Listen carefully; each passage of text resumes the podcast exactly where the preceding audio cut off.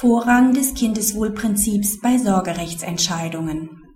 Eine dem grundrechtlich geschützten Elternrecht genügende Entscheidung über das Teilsorgerecht kann nur aufgrund der Abwägung aller Umstände des Einzelfalls getroffen werden.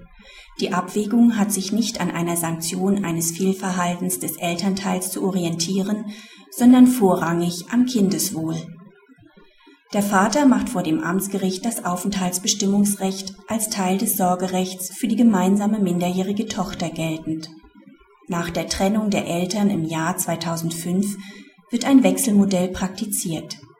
Im Herbst 2007 zieht die Mutter nach Erlass der entsprechenden einstweiligen Anordnung, mit welcher ihr das Aufenthaltsbestimmungsrecht übertragen wurde, in eine andere Stadt.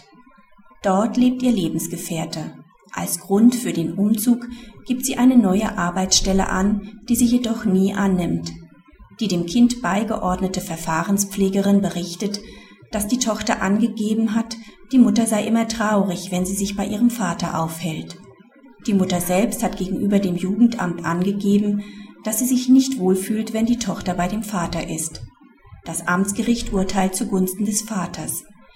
Es führt an, dass die Mutter weggezogen ist und über diesen Umzug bewusst unwahre Angaben gemacht hat. Die Beschwerde der Mutter wird vom Oberlandesgericht zurückgewiesen. Es begründet die Entscheidung mit der fehlenden Bindungstoleranz der Mutter. Das Bundesverfassungsgericht gibt der Verfassungsbeschwerde der Mutter statt und verweist den Rechtsstreit an das Oberlandesgericht zur Sachverhaltsaufklärung zurück.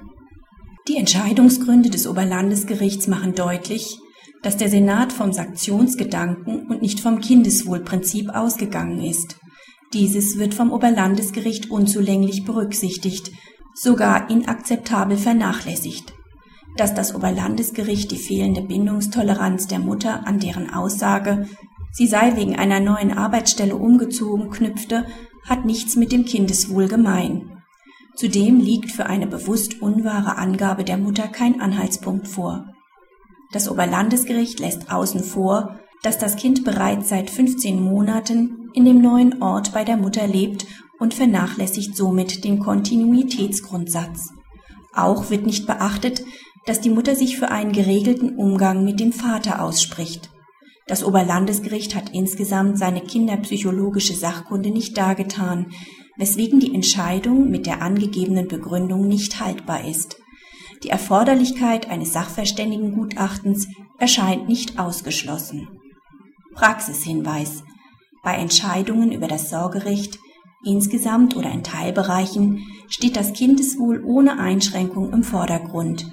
Hierbei sind das Förderungsprinzip, der Kontinuitätsgrundsatz, die Bindungen des Kindes und der Kindeswille zu beachten